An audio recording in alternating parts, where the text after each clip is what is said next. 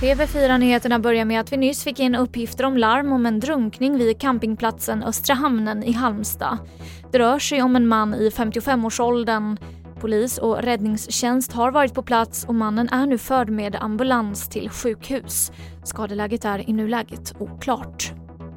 En kvinna i 60-årsåldern har försvunnit i Mullsjö i Småland. Polisen har letat efter kvinnan sedan omkring klockan 10 i förmiddags och man har även kallat in helikopter.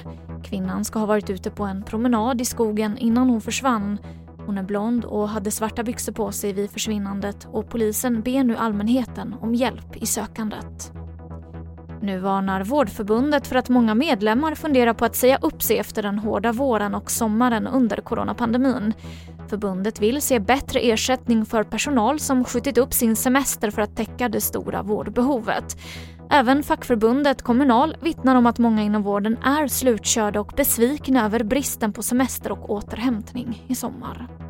I Australien så miste en man livet när han träffades i bröstkorgen av en hoppande fisk.